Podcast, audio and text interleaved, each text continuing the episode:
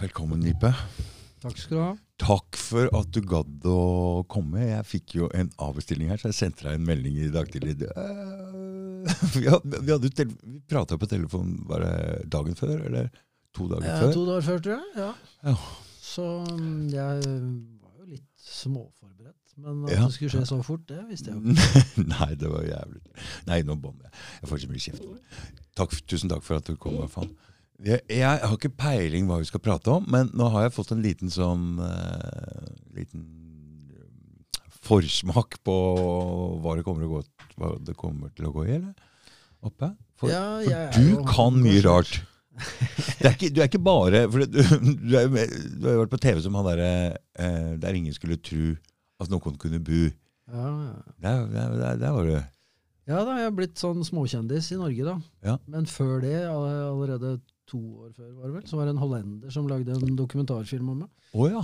Etter at jeg flytta til fjells, så ja, han haika med sønnen min, og så ja, vi har alltid invitert eh, fremmedfolk hjem til oss i min familie, så han eh, førte den tradisjonen videre, og tok den med når han skulle besøke meg på fjellet. Ja. Og så ble han så fascinert, da. Og så noen uker seinere tok han kontakt og lurte på om han kunne komme tilbake og filme, for han drev med dokumentarfilm. Ja. Det hadde han ikke fortalt på forhånd. Så. Nei. Ja, jeg synes jo det er. Men har den gått på NRK? Eller? Nei, den, Nei. Uh, den har blitt sendt på kino i store deler av Europa. Helaftens spillefilm. Ikke, med, bare, med bare deg? Med bare deg? Ja, ja. Nei, det er ikke bare meg, forresten. Det Nei. er meg og denne her. Oh, ja. ja, men det var ikke flere sånne originaler? Sånne, Nei. eh, nei. Den heter 'Drømmeland', og undertittelen er uh, historien om en mann, en hest og en smartphone. Ja. For eh, paradoksalt nok, eh, jeg er jo opptatt av helse og stråling og greier. Mm. Paradoksalt nok, når jeg bodde da høyt til fjells og langt fra folk, så, så ble jeg mer avhengig nesten av denne jævla telefonen. Nei. Så det tok han fatt i, da. Ja. Det, og at jeg hadde et forhold til et kvinnfolk som var langt av gårde. Så det var liksom det var livlinja vår.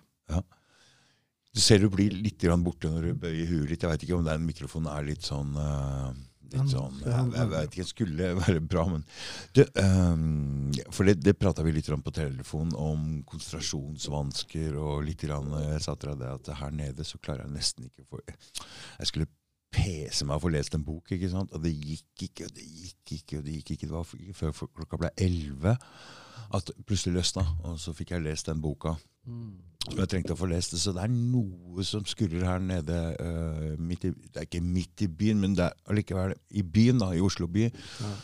Og Ja, det er jeg veit hva det er, sa jeg. Ja, ja, jeg veit det, du sa det. Jeg veit hva det er. Jeg vet hva det er. Ja. Så, så Nei, det er jo mange ting. Men um, stråling er jo noe jeg er veldig opptatt av. ja. Og har holdt på med da Er det en av grunnene til at du flytta ut av byen? Ja, det Det var ikke det som gjorde at jeg flytta, men, men det er jo en, en fordel jeg har oppnådd, kan du si. da. Mm. Uh, jeg tåler stråling egentlig bedre enn mange andre. Altså, Mm. de som virkelig ikke tåler det, de kan jo ikke ha på Mm. ja, I hvert fall ikke telefon. De kan ikke være i et rom med strøm i det hele tatt. Mm. De må flytte ja, ut i en hytte eller et eller annet uten strøm. Nei, jeg veit jeg har hatt inn en av dem. Så. Men nei, altså hovedgrunnen eh, Jeg har jo flytta på en måte hjem, hvor jeg alltid har følt meg hjemme siden jeg var guttunge. Du er født du er der derfor? Nei, jeg er ikke født der, men jeg har jo vært der siden jeg var bitte liten. Først med bestemora mi og, og kuer og ysta ost og kinna smør og handmjølka og sånt. Mm. Eh, På, på sommerstid, da. På setra. På setra, ja. Det er en seter. Det er seter du bor på? Ja. Mm. Og så med faren min og onklene mine og bestefaren min har vi da jakta og fiska. Og så det har vært ankerfestet mitt hele livet. Mm. Så, og jeg har aldri syntes at jeg har fått vært nok der. Mm. Så alltid lengta tilbake. Og ja. Men er det et eller annet med fjellet som gjør at det er noe som trekker? Det er, jo, altså, Ja, ja. Folk, det er jo noe med nordmenn og fjellet, og vi trekker jo opp mot fjellet. og Selv om ikke vi skal stå på ski, eller noe, så er det et eller annet med fjellet. Det er klart. Det er mange, Hva er det? mange som har sagt mye om det. Ja, det er veldig mye. Altså, jeg er veldig opptatt av eh, ja, veldig mye helse. Uh, fysikk, ikke sant? Mm. Bare lufttrykket er jo annerledes. Lufttrykket er annerledes. Lufta er friskere. Mm. Og alt som vokser og gror, er jo mye mer potent. Altså blob, Ta blåbæra, da. Mm. I lavlandet. Det er noe blasse greier i forhold til de høyfjellsbæra. Oh, ja. De står og knegger, ikke sant? Og Du kommer til å lokke smak. masse folk opp i fjellet ditt! Ja. Jeg har allerede lokka en del. Ja. Ja. Så det er forskjell på det der, da. Ja, det er klart. Det er masse, masse, mange forskjeller. Ja. Og de som er eh, religiøse, sier kanskje at det er nærmere Gud, ikke sant? Ja. Ja, ja. Ja, nei, jeg vet ikke. Um, det er noe med å ha oversikten nå. ikke sant? Altså, leiligheter, eh, selv i byen, ikke sant? har du Mm. utsikt, ja, ja, ja. så er jo det mye mer verdt. ikke sant? Mm, mm. Du så jo den når du kan sitte oppe i annen etasjen her og ha den litt sånn utsikt. Ja. Det, er, det er det som gjør verdien på disse leilighetene her. Ja. Det at du kan se litt langt, og det er ingenting utafor og sånne ting.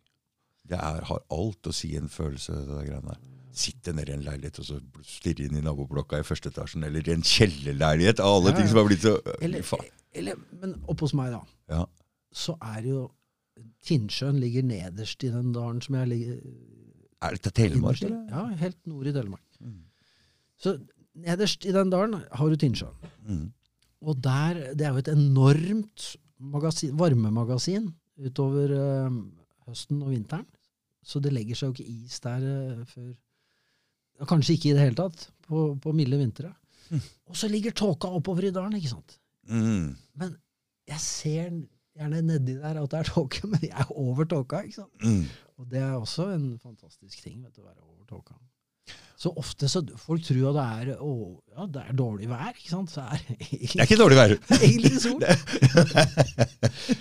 Det, det, er bare de der nede som tror at det er dårlig vær. Ja, ikke sant? Og ikke sant, mm, for å si det sånn, da, perspektiv og oversikt, Mm. det har jeg jo alt å si for forståelse også. Så å heve deg litt over og se ting Ja. ovenifra, det gir jo et helt annet Men så er, det, så er det jo stillheten. Jeg tror jeg må ta med disse her. Jeg blir helt kokt i huet. Gjør altså. det. gjør det. Bare, da må du være flink å snakke inn i mikrofonen. Ja, for jeg jeg, hørte, jeg hørte med en gang at når du sitter så blir du borte. Ja. ja. Um, ja, nå mista jeg tankerekka litt. Ja, du må ta dem på en! Nei, nei da. ja. Nei, men, ehm, men det er jo Det er bare helt fantastisk å være i fjellet på så mange måter. Og jo, det var stillheten Mm, som jeg skulle ta fatt i. mm. Stillheten, altså Det er jo blitt en sjeldenhet. Ja, ja, ja. Du finner jo ikke stillhet noe sted, nesten, Nei. som folk oppholder seg. Og den har jo inspirert meg da til bl.a. å begynne å dikte. Mm. Men um, så er det jo fravær av, av stråling, da. I, selv i, om du, selv om du ikke er i en storby. Men telefonen er- virker der oppe, ikke sant? Ja, så vidt. Ikke, og ikke hele tida. Nei, du får bare meldinger. Eller klarer å få tak i Av og til så får, har jeg ikke noe kontakt i det hele tatt. Nei. Og det er jo på en måte også fint. Ja. Men det er også sider av det, da. Sånn Rent teknisk så stråler jo en telefon mer jo Ja, dårligere dekning stemmer, det er. Når du den prøver å få kontakt Stemmer med, med basestasjonen. ikke sant? Mm. Så mm, ja. Paradoksene står i kø. Modern Times, ikke sant. Mm. Teknologien er jo fantastisk, men det er jo også et helvete for oss. Mm. Blant annet fordi det meste skal jo nå være trådløst. ikke sant? Wifi, smartmålere, telefoner. Men, men for meg da, så begynte jo det, hele bevisstheten rundt dette her veldig tidlig. Allerede på 90-tallet så ble jeg oppmerksom på Jeg studerte jo naturmedisin. Fra Mm. 88 begynte jeg med Ja, det. fortell om det litt. Ja. Så jeg starta da med en, en soneterapiutdannelse. eh, Helt eh, på, ja, på slutten av 88, og var ferdig soneterapeut i 89. Men fortell litt, om hva er det for noe, egentlig? Soneterapi i sin enkleste form så er det fotsoneterapi. Mm. Men det er jo mange sonesystemer. På samme måte som eh, i føttene, så har jo hendene tilsvarende sonesystem. Hele kroppen er representert Mm. i hendene og føttene. Mm. Eh, men også i ørene. Og da, mange snakker om øreakupunktur, men det er også egentlig et sonesystem på øret. da. Faktisk flere. Det i, i du, du sa til meg på telefonen at det, det øret ser ut som et foster som ligger eh, i samme kroppen. Du husker det, Ja, jeg husker, jeg husker. Hva er det jeg ikke husker? ja? da. Og det, Nei, det stemmer. Det, det ser jo faktisk ja. ut som et, eh, et lite menneske i fosterstilling. mm, Snudd opp ned, da, med hodet ned og mm, kroppen opp. Og det er egentlig utgangspunktet for å forstå hele det systemet, men også hele soneterapien, eller refleksologien, som det heter, når du da jobber med veldig mange forskjellige sonesystemer. mm. Da kaller vi det refleksologi. Så, Så når vi prater om det der med, Ja. med hender og føtter ikke sant? Så, Før så gikk vi mye ba mer barbeint og fikk stimulert eh, mye mer de sonene enn det vi gjør nå. Ja, Ikke sant? I gamle dager så var, hadde jo folk ikke råd til sko, så da, da var det mer av det. Ja. Og, og selv om man brukte sko, så var jo det gjerne mokasiner, eller altså lærsåler, ikke sant? og de leder også elektroner. Ja. Og da kommer vi jo inn på dette med bioelektrisitet og mennesket som elektrisk vesen. Det er jo det som gjør at vi blir så fucka av all den strålinga. ikke sant? Det er jo det at helt ned på cellenivå så er det jonevandring over cellemembran som avgjør om cellene skal få næring og bli kvitt dritten sin. Alt levende må jo også på do, ikke sant? så cellene skal bli kvitt søpla si. ikke sant? Mm. Så, men tilbake til det rent fysiologiske. da. Vi er jo bygget for den stimulansen, den fysiske stimulansen også, som vi får under føttene Mm. på hvert skritt vi tar. Mm. Og nå er det jo blitt en sånn barefoot shoe-bevegelse. Altså barfot har blitt pop inn. Ja, så har det blitt noen Så- sånne sko som er veldig, veldig, veldig, veldig, veldig Veldig tynne. tynne såler. Ja, ja, Og da får du den fysiske stimulansen. Mm. Men, det er et stort men, Ja. hvis du kjøper den greia, Ja. så mister du jo den fysiske kontakten med, med jorda som eh, magnet, og som, Mm. som eh, de, de frekvensene jorda gir oss. Ja, men nå er du inne på noe Hva, hva er det? Hva, hva, Ja, nå er det Det er et svært område her! Nikola Tesla han sa at hvis du vil forstå verden, så må du eh, innom frekvenser og vibrasjoner. ikke sant? Mm.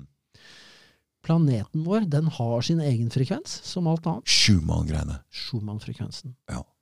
Som ligger sånn take or give a few på 7,83 hertz. Mm. Det er den optimale frekvensen for oss. Og vi har hver vår frekvens som menneske òg, eller? Ja, vi har jo Som stemmen vår, eller? Ja, Den har i hvert fall en frekvens. Ja, ja, absolutt. Vi er jo unike alle sammen. Men, men vi har også veldig mye til felles. Vi er mere, har mer til felles enn som skiller oss. Og, og vi er jo også på mange måter alle ett. Men det kan vi kanskje komme tilbake til.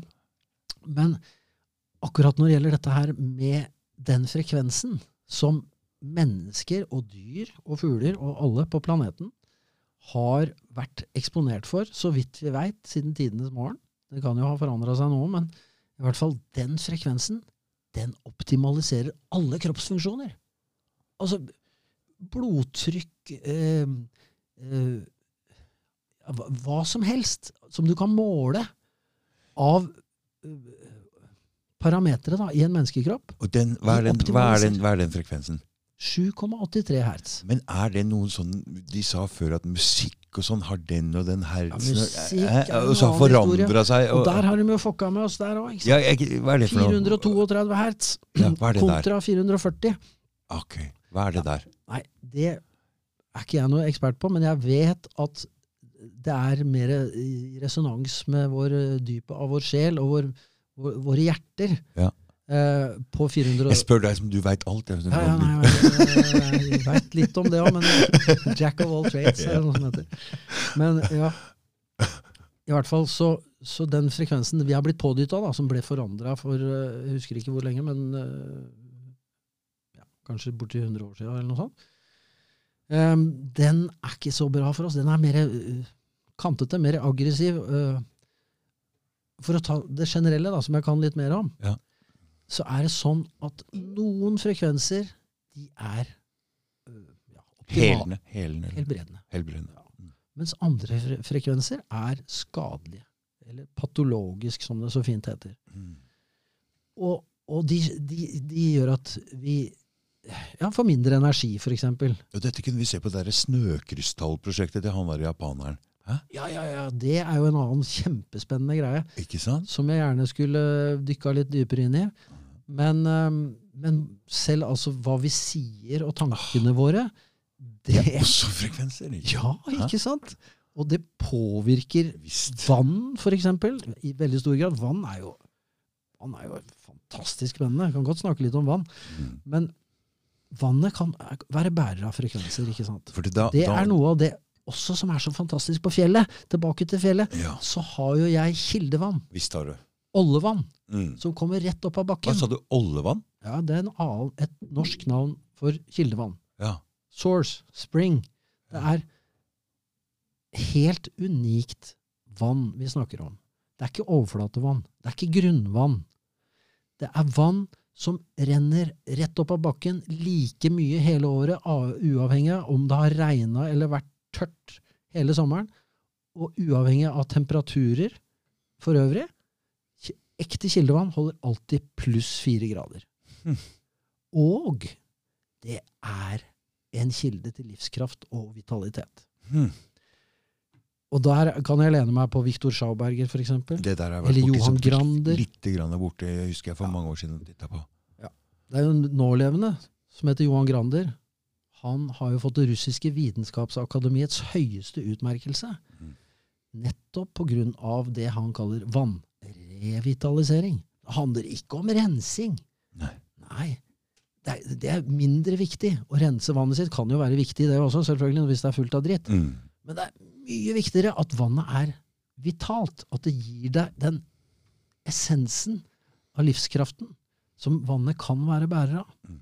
Og når vannet har rent gjennom jordskorpa, forbi masse krystaller og mineraler og metaller, så tar det opp i seg de frekvensene. Og fått rørt seg sånne virvler og noe sånt. ikke sant? Ikke minst! Virvlene er helt sentrale. Sykloide spiralbevegelser i vannet, Mm. som det, vannet har.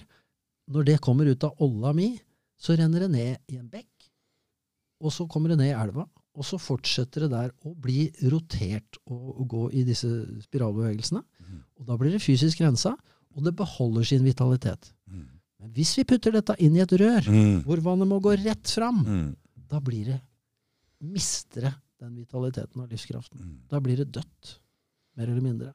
Og Det det er er. H2 fortsatt, Mm. men det er veldig mye mer med vannet enn akkurat Det er At det er mer med H2. vann enn det vi forstår. hva? Med Det er nemlig vannets struktur.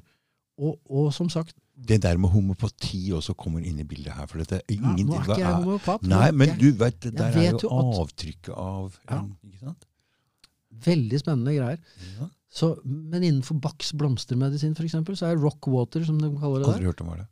Nei, det er, det er faktisk at du Da bruker de konjakk, faktisk. Som eh, De legger blomster i vann, og så lar de sollyset skinne gjennom blomstene og ned i, i konjakken. Og så blir dette bærer av de frekvensene som de forskjellige blomstene har. Så det, det fins mange forskjellige former for frekvensmedisin og energimedisin. Mm. Eh, Homopati er bare én av dem, som kanskje er mest kjent. Mm.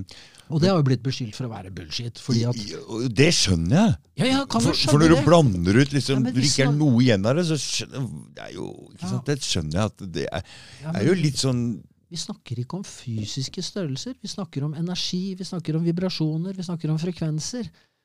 Ikke sant? mm. Altså, hvis, ta en telefon, da. Det er jo ikke fysiske Du Nei. kan jo ikke plukke fra hverandre det du sender eller mottar i, i den eh, telefonen. Så det, eller du kan ikke se strømmen i stikkontaktene heller. Men det er jo like forferdelig kraftfull allikevel. Mm. Så det er veldig mye vi ikke kan se, som er helt reelt. Mm. Og det, det burde jo folk eh, være fascinert av, snarere enn å fornekte. Mm. Men for veldig mange så er det jo truende. At, at det fins sånne ting som vi snakker om her. Det er en veldig spesiell Men, men nå, nå ser jeg jo at ting er så gærent nå, så jeg tror ting er på vei til å dette litt på plass, sånn at vi får tatt inn disse tinga inn i f.eks. inn i legemiddel... Eller legeindustri jeg skal kalle det engang? jeg? Legevitenskapen. At vi må dytte alternativ medisin inn der. Og Nei, vi, det, vi kan ikke dytte alternativ medisin inn der. Vi må heller? Nei, altså vi, vi, trenger, vi trenger leger, vi trenger kirurgi, vi trenger den teknologien og den, alt det moderne medisin har oppnådd på noen områder. Mm. Men det som er hovedproblemet, sånn som jeg ser det, Mm. det er at de forholder seg kun til biokjemi. Ikke til biofysikk. Ikke til det faktum som jeg var inne på i stad, eller som Ja, ja, jeg har ja, snakka ja. mye om Mm, mm, mm. allerede. Ja. At det handler om frekvenser. At det handler om elektrisitet, f.eks. Det er ikke noe hemmelighet. Man vet det, og, og erkjenner det, at nervesystemet er elektriske impulser osv. Og, Mm. og disse meridianene, det er ikke noe mer mystisk det heller. at Hva er det for noe? Jeg, jeg det, er, det er strøm! Det er jeg var hos hun. Anne Harila, og hun uh, brukte Ja, sånn hun var eh, flink. Brukte sånne, sånne nåler, men, men det, var, det var jo sånn strøm i dem. Ja. Så hun kunne høre med en gang når det ja, jeg bare tok den der, så og så var den bra. Ja. Og det, var, det er sånne meridianer. Hva er det for noe, egentlig? Ja, De har jo vært beskrevet siden tidenes morgen av, av kineserne. Ja. Og med veldig enkel, moderne teknologi Men man kan ikke se kan de man- meridianene, eller man må Nei, vite hvor de er. ikke, du kan ikke se dem. Men du kan, du kan måle dem med noe så enkelt som et ohmmeter. Altså noe som Aha. måler elektrisk motstand. Ja. For disse punktene på meridianene Mm. de har lavere elektrisk motstand enn vevet for øvrig. Og gjerne også en temperaturforskjell. Gjerne høyere temperatur enn vevet for øvrig. Men det er litt vanskeligere å forholde seg til. Betyr det da at det går elektrisitet i disse meridianene? Ikke sant? Er det det betyr? Som sagt tidligere, vi er lagd for å gå barbeinte rundt på planeten i eh, spenningsfeltet mellom ionosfæren og planetens egen frekvens. Ikke sant? Ja. Så vi er konstruert for den virkeligheten. Og vi tar inn energi fra planeten vår og fra kosmos. Og den energien kommer inn og ut i fingerspissene og tærne våre i endepunktene av meridianene. Og sirkulerer da delvis utenfor kroppen vår og gjennom kroppen vår. Og når du ser tegninger av meridianer på et kart, Mm. så ser det ut som oi, der stopper lungemeridian her, f.eks. Nei, den gjør ikke det. Nei. Energi skal jo ikke stoppe opp. Energi kan ikke stoppe opp. Den energiens vesen er å bevege seg. Se Så den det, har et indre forløp. den har et indre forløp, ikke sant? Den kobler over på en annen meridian inni deg. Så vi har strange flows. Vi har, det er mye mer enn disse meridianene. Meridianene er på en måte bare toppen av isfjellet. Meridianene er på utsiden, sånn at det går og måler. Nei, de går nesten som en sånn sytråd. De dykker ned og går opp i punktet, og så ned igjen, og så opp. Ja. Ja. Men så er det Dette er jo Altså, menneskekroppen er jo så fantastisk. For hvis vi snakker om refleksologi, så er det også eh, elektrisitet inne i bildet. Men der er det sånn at på øret, for eksempel Ingen av disse eh, kinesiske TCM-meridianene har noen punkter eller går på selve øret. De går rundt øret, for eksempel. Og det går på hodet og rundt omkring. Men ikke på selve aurikkelen eller øret, som den bruskflappen her. Mhm. Men det er et uendelig antall refleksologiske punkter som er elektrisk aktive kun hvis du har et eller annet problem. Så tilbake til et sånt elektroakupunkturapparat, som det også kalles, sånn ohm-meter som måler motstand. Mm. Kan du bruke det også på øret, og så kan du kartlegge hvor det er problemer, hvor det er funksjonsforstyrrelser, og, og hvor du da kan sette en nål for, som virker faktisk som en antenne på denne kosmiske energien, og sender da inn de frekvensene du trenger inn i punktet. Men, Men som ikke det er nok, så, er, så kan du altså måle eh, motstand, og du kan sette en nål, og så kan du rotere den nåla. Hvis du bommer på punktet, så er det som å snurre rundt i varmt smør. Men hvis du treffer, så blir nåla holdt fast. Skikkelig hardt, til dels, hvis det er et veldig aktivt punkt. På steder hvor det ikke finnes muskler. Hva er det da som virker? Jo, det er elektromagnetisme. Når nåla roterer, så induserer den en spenning, og kroppen oppfatter det, og på samme måte som en motor som får strøm, eller en generator som, som um, lager strøm, så er det jo samme prinsippet. Når noe som er magnetisert eller magnetiserbart, roterer, så induserer det en spenning. Så jeg kan kjenne når jeg roterer nåla, Mm. om jeg har truffet eller ikke, og samtidig gjøre vondt. Mm. For i refleksologien er det mye mer smerte involvert enn i akupunkturen. Så disse punktene som jeg finner, de kan være dritvonde. Men, men er refleksologi, også er det bare i øret, eller? Nei. nei. nei, nei, nei, nei. Det gjelder hvor som helst. Altså Den andre metakarpalen, for eksempel, da, det er et sonesystem i seg sjøl. Alle disse lange rørknoklene i hånda de heter metakarpaler. Så du, bare si hva er forskjellen på å, øh, refleksologi og hva er det andre øh, det der eh. Akupunktur. Akupunktur, ja. Mm. Er ikke det Nåler Nåler er ikke nåler. Jo, nåler er nåler. Men nåler kan brukes på forskjellige måter på forskjellige steder. Ja. For å ta den andre Er det to forskjellige mm, lærer? Lære? Vitenskap? Eh, Det har de veldig mye til felles, og det jobber Mm. langs de samme, med de samme prinsippene og langs de samme energibanene til dels. Ja. Men refleksologien eh, går jo ja, på mange måter mye dypere og er mye enklere. Han som står bak ekivoakupunktur, som det kalles Fordi du sier Eller- vondt, og refleks det er når du får en får en, får en, eh, en refleks er jo en, Altså, jeg- får en Du kan trykke på steder under føttene, f.eks., Ja. og så plutselig stikker Ikke et annet sant, det er det jeg mener. Så, så refleksologi går egentlig på at du skal få en slags øh, bevegelse. Du får en effekt et annet sted enn der hvor du trykker eller eh, Mm. setter en nål, eller okay. du kan bruke laser Altså celler Det er derfor navnet refleksologi. Ja, sannsynligvis derfor, ja. Mm. Mm. Men tilbake til den andre metakarpalen, da, som er fantastisk i seg selv. Det er, altså Hele kroppen er representert i hele hånda, men på, på disse hver enkelt av de rørknoklene så er også hele kroppen representert. Så det ligger altså systemer utapå hverandre, helt ned på cellenivå. Som jeg nevnte for deg. Vi kan jo, mm, mm, alle har hørt om kloning, ikke sant? mm, En stamcelle mm. kan brukes til å sette i gang et helt nytt eh, eksemplar av deg eller meg eller hvem som helst. ikke sant? Eller sauen Dolly som Så alt fins inni alt, ikke sant? Mm, Ja, altså helheten er avspeilt i delen. mm. Er veldig beskrivende for hva vi snakker om. Vi snakker om holografiske metoder. Altså helheten, holos, Mm. holon, Er det det betyr? grafisk, altså avtegnet eller avspeilet. Mm. Holografiske metoder. Så jeg pleier å si at vi er holografiske vesener i et holografisk univers. Mm. Og da begynner vi å snakke om nesten da spiritualitet og ja, mye større perspektiver, da. Mm.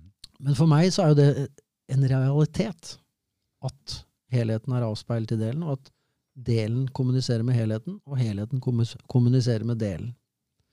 Så dette er jo en del av helbredelsesapparatet vårt.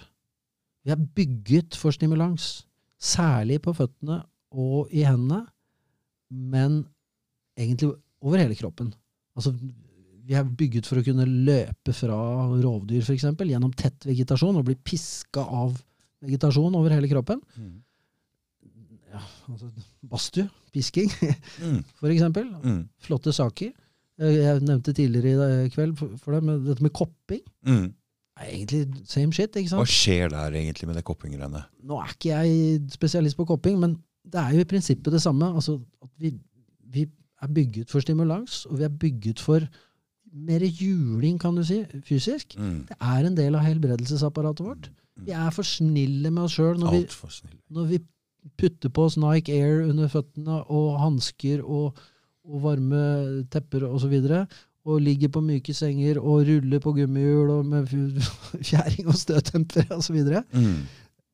Menneskekroppen er konstruert for et mye, mye tøffere liv enn det vi lever.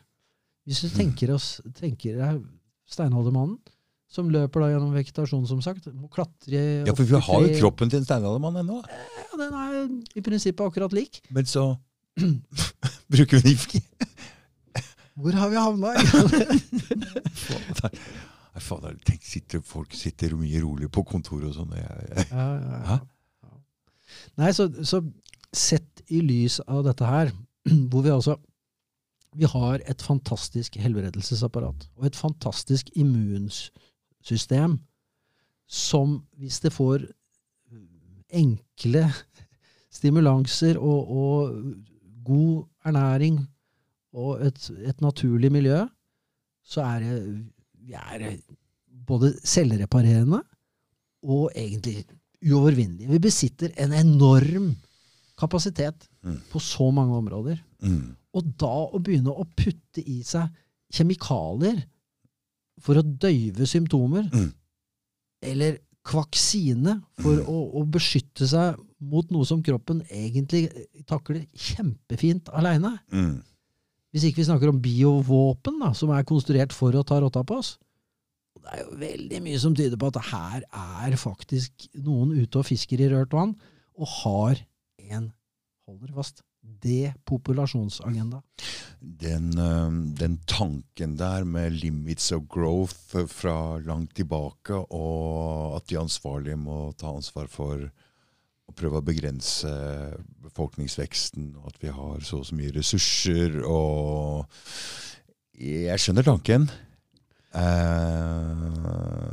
Ja, det er, det er lett å um, tenke det, og at um, det er for lite plass, det er ikke nok uh, Det- den- er sånn- den tanken det er- sånn den Fattigtenkende, kaller svenskene det. den, den tanken er sådd inn i alle, enten vi vil eller ikke.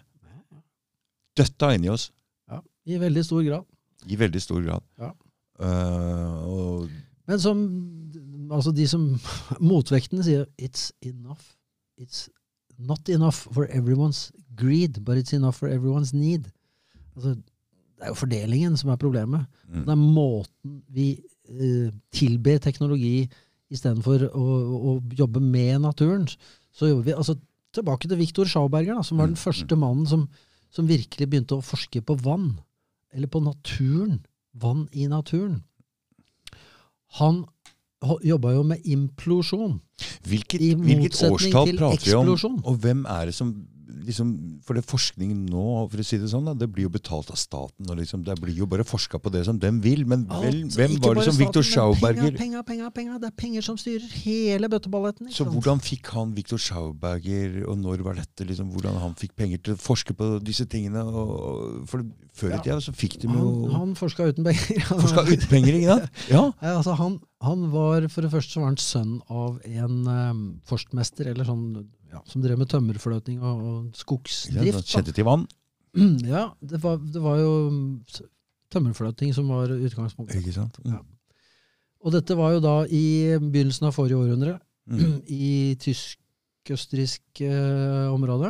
Mm. Han, eh, han gikk f.eks. da langs bekker og elver og observerte ørreten. ikke sant? Mhm. Og når den ble skremt, så forsvant jo den som et skudd. Mm. Men ikke medstrøm, som man skulle tro, som ville være mye lettere, men motstrøms. Ja, Det er interessant. Hvorfor gjør den det? Og så, som om ikke det var nok, så tar jo den ørreten rake veien opp fossen. Mm. Forserer både tyngdekraften og vannet. Mm. Og vann er for øvrig det eneste elementet på planeten som overhodet ikke lar seg komprimere. Har du prøvd å svømme Mm, mm, mm. motstrøms i en elv? Mm. Du har ikke kjangs. Bare det er lite grann strøm. Mm. Men ørreten gjør det allikevel. Og laksen nå, fy faen, den hopper rett laksen opp, rett opp der. Hvordan klarer den det? Det er ikke mulig. Alle skjønner det. det? det- Gjør allikevel. Ja, alle skjønner det. Det går Ja. ikke, det. Det går Og hva skal den oppi der gjøre? Helt øverst skal den. Men han, Victor han fant ut det, hva, Ja. hva som er greia. Det handler om disse sykloide spiralbevegelsene. Og det handler om fasongen på ørretkroppen. Og det handler om gjellene. Pumpe med gjellene. Sånn at den får da disse spiralene rundt kroppen sin. Og han blir liksom nesten skutt fram. Ok, nå skjønner jeg det, for det er noe med frekvenser og noen greier og noe Ja, okay, så er det disse her, Han finner altså et, et sted i vannet som ikke er Vannet er ikke ensarta hele veien. Det har noen kjernepunkter i, Mm, i senter av disse spiralene ikke sant, Mm. som det går i, der hvor det roterer. mm. Og der blir den skutt opp, ikke sant? Blir skutt opp, ja. Ja, ja, altså den, den flapper jo med halen også. Ja, ja, ja. Men det er nesten som man får et sku... Ja. Effekten er jo nesten Ja, som om man skulle hatt en rakett. jeg har ikke ikke tenkt ordentlig på det, men det er klart at det er jo helt vilt at de hopper opp de fossa der. ikke sant? Spinnvilt. Så, men i hvert fall, resultatet av det Både altså, observasjon av ørreten, først og fremst, men, men også isklumper, for eksempel, og steiner til og med. Under gitte forhold så så han at steiner de duppa opp til overflaten i, innunder fossen. Helt, helt vilt at steiner kan flyte. Det blir en sånn spiral. Ja. Det er noe der. Mm. Um, men så var det disse, denne tømmerfløtingen, da. For han fikk jo praktisk anvendelse for dette her. Han fant ut blant annet at pluss fire grader, som jeg nevnte tidligere, i kildevann, Mm. Mm. det er noe lureri! Der er noe som kan det har jeg hørt om utnyttes. før. Ja. Han fløtte altså tunge stokker som nesten ikke fløyt, greide han å fløte. Både på flat, øh, flate forhold, og til og med en liten kneik oppover, og selvfølgelig nedover. Det var ikke noe problem. Og det han gjorde, var han lagde sånne små skovler inni den der renna, sånn at vannet, sjøl om det gikk ganske rett fram, så fikk han til å lage de sykloide spiralbevegelsene. Og så sørga han for å få inn kildevann hele veien. For ved pluss fire grader, som kildevannet holder, så har vannet høyest spesifikk vekt, og derved også høyest oppdrift. Og én faktor til som han tok med! Fullmåne. Fullmånen drar jo til og med verdenshavene opp. Ikke sant? Det er derfor du ikke trår på flat jord, eh, Nipe. En av grunnene. ja. ja, for den drar, ja. Ja. Mm. Den drar. Så pluss fire grader, sykloide spiralbevegelser og fullmåne. Det er opp, da har du virkelig oppdrift, altså. Ja.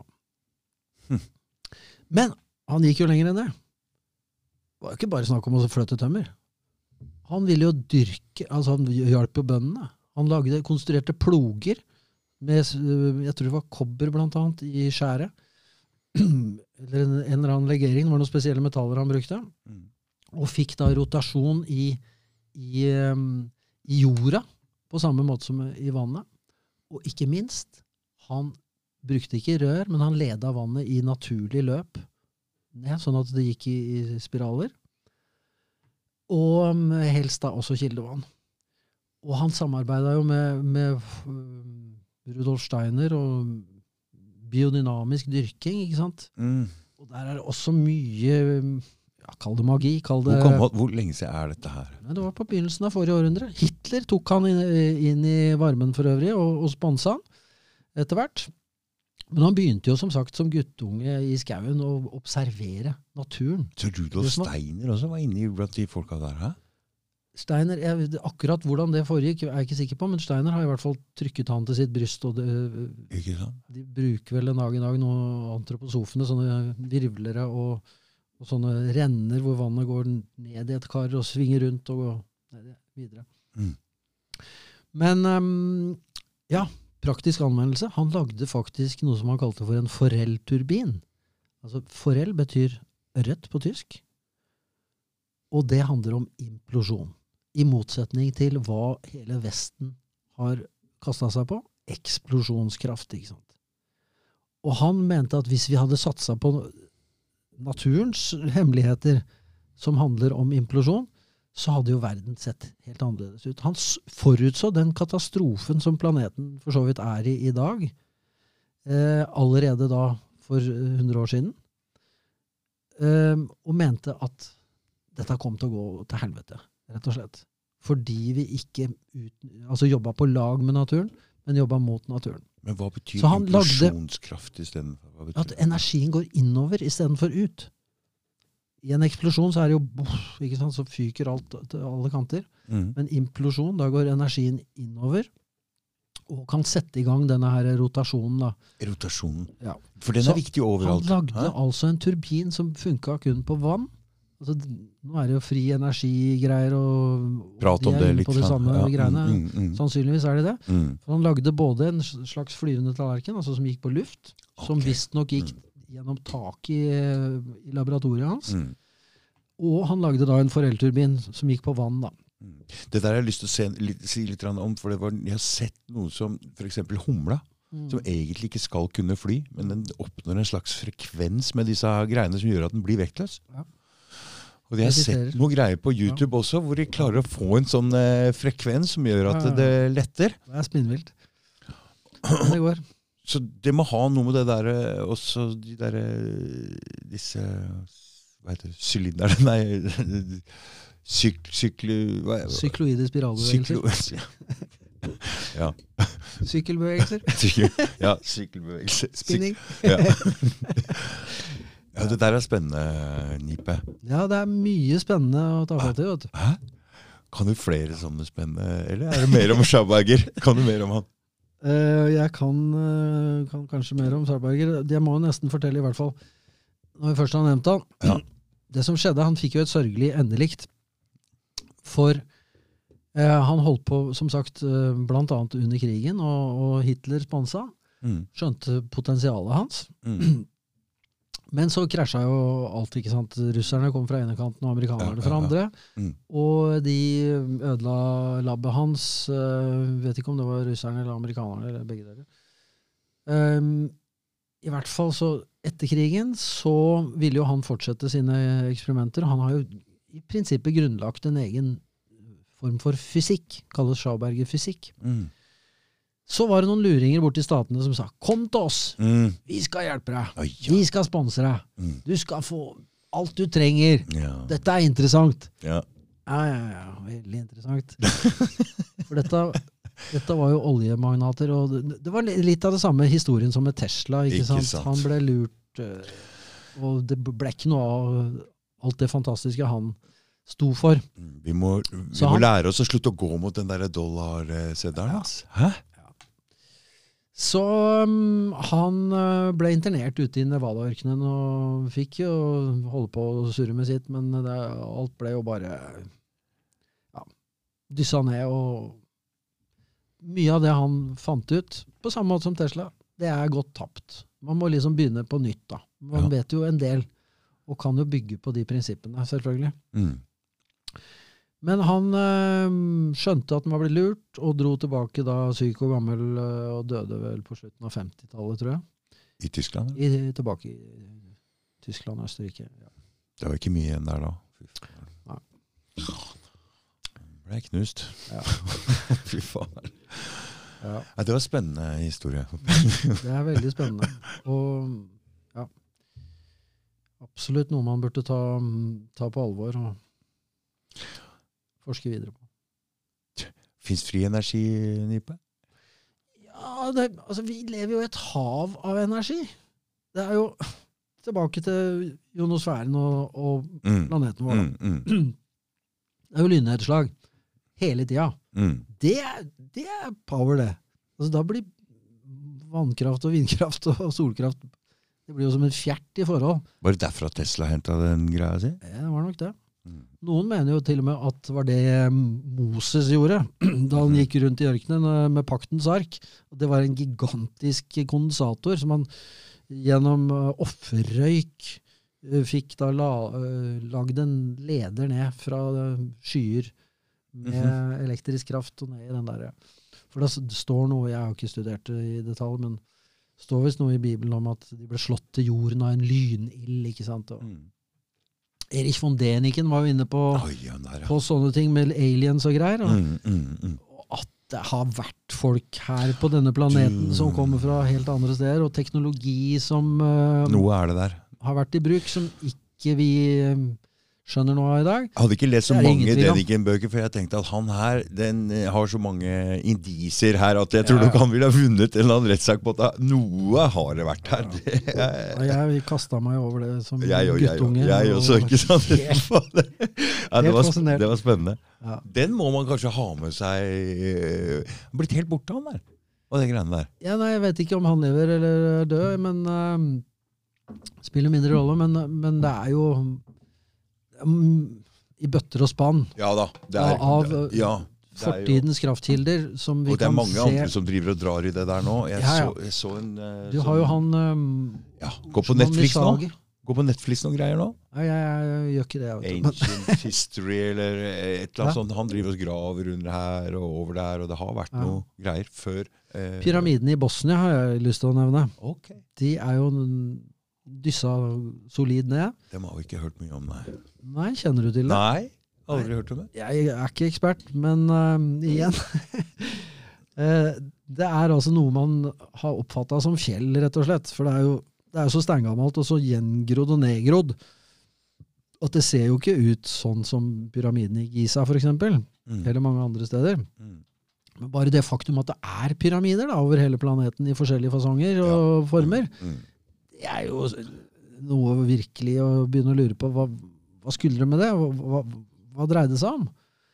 Og, og hvorfor er Hvor gammelt er det egentlig? ja, ikke sant. Hvor gammelt er det? Det kan jo være mye altså, Alt tyder jo på at veldig mye er veldig mye eldre enn det vi Det er noe med den istida, og den, han ene her mener at dette her var Det er fra før istida. Ja. Så kom istida og ødela alt sånt, og så Ja. blir det på nytt igjen. Så er det, får Det vi en ny, ny eh, Ja, apropos istid. Det som er eh, Hva skal vi kalle det? Psyop, mer eller mindre. mm. Global warming, som du snakker om nå. Oh. Det er jo helt latterlig i mine øyne. Planeten har jo vært mye varmere og mye kaldere i, siden tidenes morgen. Men vi ser jo hvor det bærer, hvor det kommer fra. Det her er jo det samme agendaen med Ja, ja. Nei, vi, vi skal eh, vi skal, altså, vi skal sløves ned, og vi skal Vi skal ikke vite For mye. livets, Livets, eh, livets eh, mole, molekyl, livets atom, karbon. Ja. Alt Ja, levende er bygd opp av, så sier vi at ja og livets gass, CO2. Plantene kan jo ikke leve uten. som er gift! Altså, Det er, går ikke an å få det dummere enn det, Nipe. Nei, men folk kjøper det, da. De, Midt, de det er den løgnen som står gjøre. midt i, den, den er vanskelig å si, hva? Det som det Gjør ikke noe research. ikke sant? Det er samme med pandemien, det. det. Ja. Folk, folk kjøper jo det som NRK og øh, Aftenposten og VG og Dagbladet skriver, og Ja. ferdig snakka. Det er hogd i stein. Står der, og jeg lærte på skolen, sånn og sånn. Men hva tenker du om det som kommer fram litt og litt og litt nå? Er det sånn som, sånn som jeg, jeg skjønte jo tidlig at hvis de skulle ofre noen, så ville de peke på Fauci og si at det er bakmann. Ja, ha- men det har jo for så vidt skjedd. Nå har jo ja, ja, nå går Musk ut av dem, men Ja. du kan ikke ha en bakmann som står helt foran uh, Nipe. Det har aldri skjedd. Det er i hvert fall jævla, jævla lurer. Men greia er jo det vi snakka om i stad, at Fauci er ikke bakmannen, altså. Hæ? Men syndebukk? ja, er jo. Han er ikke alene. Det er jo, som vi snakka om i stad, det er jo så mange som syns det er for trangt. De har for liten plass. De ville ha færre folk. Og man kan jo forstå det når man bor i, i New York. For eksempel. Eller du trenger Men du, du vil ikke ha min mer du, altså, du som bor helt for deg sjøl der oppe, du Jeg liker jo uberørt natur, selvfølgelig. Og Ja. jeg ser Nei, Selvfølgelig hadde det vært greit med færre folk, på mange måter. Men, Det er hyggelig med men det Men det er en, en, en enorm planet vi lever på, Ja. med enorme muligheter. Og det er veldig lite som tross alt er sivilisasjon. Hvis vi hadde rigga oss til på en litt annen måte, og ikke stabla alle oppå hverandre i en by Hørte du om de grisehusene de skulle lage i Kina nå, f.eks.? Bare 36 etasjer eller noe sånt, med griser i en høyblokk. Fy faen. Det var- det er helt spinnvilt. Det er nødt til å bli mye sjukdom når du Ikke sant? Nødt til det. Det er helt Det er så drøyt. Men man har altså Veldig mange har en depopulasjonsagenda, og Bill Kill Bill har jo uttalt det direkte at han Ja, ja, men altså, han mente det Schwab og hele, Men hele det Bill, Bill Gates-teorien til Bill Gates er jo at uh, siden vi får færre barn her i Vesten, og det er så stor barnedødelighet uh, der hvor de lager mye unger.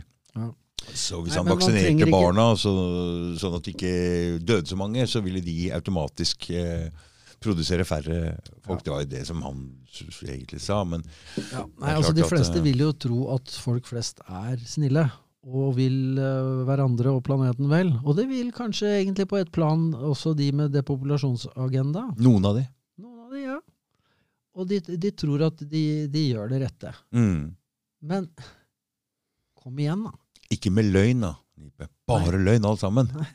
Men uansett hva, hva nå disse kjeltringene gjør eller ikke gjør, så er det jo veldig mange piler som peker i feil retning. Mm. Helt klart. Det er, Vi gjør veldig mye gærent. Mm. Men i skyggen av f.eks. dette med klimaendringer og ø, global oppvarming, som man får alt fokus, så er det jo veldig mye annet å ta fatt i, som er egentlig veldig mye verre. Og det er jo blant annet forurensningsproblematikken, Mm. som har kommet helt i skyggen. Det er ingen som snakker om øh, hormonhermer i miljøet og tungmetaller og, og, og langtransport. da skal vi gå litt til grunnvannet. Bare, vi tar Ja. Ørstensvanet her nede. Ja. Som det hadde vært en eh, som drev og jobba litt med vannet der nede. Og han tok en prøve av eh, bunnen der. Det ligger et sånt lag med salt i bunnen der. Dette er Nordens største fuglereservat. Og disse fuglene de går ned og, og spiser av bånd. Det er derfor det er så mye fugl her, for det er, er veldig grunt. Og når det ligger et sånt lag med saltlake nedi der pga. de salter disse veiene, og alt det saltet det renner ned i grunnvannet, ødelegger alt. Dette tenker du ikke på i hele tatt. Dette må du ta og snakke om. Vi prater ikke om miljø, Nei. Det er, bare klima. Nei, du har jo insektsdøden, f.eks. Da jeg begynte å kjøre bil for uh, ganske mange år siden, Da var det mye på frontruta, ja. løktene og grillen Det var jo Sant det, tjokka med insekter! Sant det. Det finnes jo ikke lenger nesten i det hele tatt. Du, jeg har ikke, den der, Kjører du- den, vin- den der vindusspyleveska mi har ikke virka på et år. Jeg har ikke savna. Så det er ikke Nei. noe, det er sant, det. det er ikke Akkurat nå, i den søla som er akkurat nå, ja, da trenger hun men, men nei, det er rett og slett Nei, helt ekstremt mye færre insekter. Mm. Og, og der igjen er det altså de mest iøynefallende og de mest populære insektene, de får jo fokus. Biene. Mm. Selvfølgelig skal de ha fokus. Det er jo kanskje det viktigste. Men det hjelper ikke stort om vi redder biene, hvis ikke vi redder alle de andre som er mat for alle fuglene og fiskene, og i, til syvende og sist også menneskene. ikke sant? Mm. Så mener altså Det blir så dumt at du veit ikke om du skal Men hva er det, det det, det insektgreiene kommer av? Hva er, hva er det insektene Hva skjer med de insektene? Tenker du? Jo, da kan vi Tilbake til stråling, du. Ja. Mm. Men ikke bare stråling. Nei. Det er jo også veldig mye forurensning. Og asfalt. Veldig- Og klipping av plener. Hvis vi tenker eh, Kantklippere, f.eks. Altså sånn eh, langs alle veier. mm. Med disse monokulturene som vi har begynt å, å, å bruke i landbruket, Ja. så er det jo mye pesticider, sprøytemidler, Mm. som tar livet av øh, noen, men mange av dem overlever og bærer jo med seg disse greiene videre. Og forgifter da i neste instans fugler og fisker og og andre dyr. Så det er mye, mye skitt i miljøet. Og neonikotinoider, f.eks. Disse Oi, det var litt av et ord, Nipe. Neo betyr ny. Nikotin har, det er nikotinlignende stoffer som man har lagd altså man, alt, man lager en liten endring i molekylstrukturen, så kan du patentere. ikke sant? Mm. Så det er nikotin som er utgangspunktet, som er en naturlig plantegift. Mhm. Og så har Ja, hun da ja. lagd eh, den der er fantastiske. Roundupen, ikke sant? Som er helt ufarlig. Så nikotin Det er er jo plantegift? hormon. Nikotin er gift for, det er for tobakksplanten eh, først og fremst, men Ja, andre planter også. Produserer da gifter for å forsvare seg mot sopp og insekter osv. Mm, mm. De har jo Planter vil jo ikke bli spist. Derfor Nei, er det jo til og med mange nå som mener at planter er ikke sunt i det hele tatt. Spis dyr. Spis kjøtt. Kun. Ja, ja, ja, Ligg unna plantene. De er mer eller mindre giftige alle sammen. Og det, det er jo litt sannhet i det òg.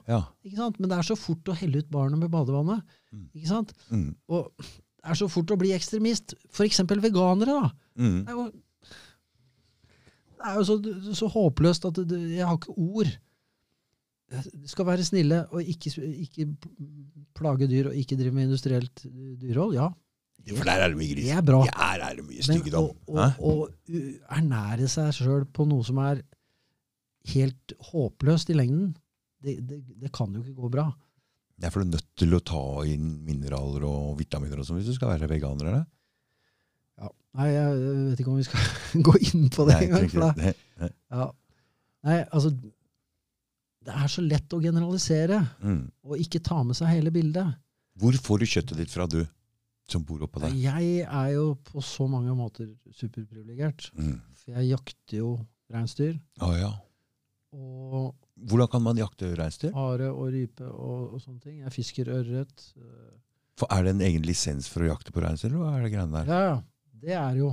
Ja. Nå tror ikke jeg på lisenser og sånt. Da. Nei, nei, nei, nei, nei. Det er Nei, pil og altså, bue altså, og Nei, jeg påberoper meg jo urbefolkningsstatus. Ja. Og ja Kort sagt så følger jeg naturlovene.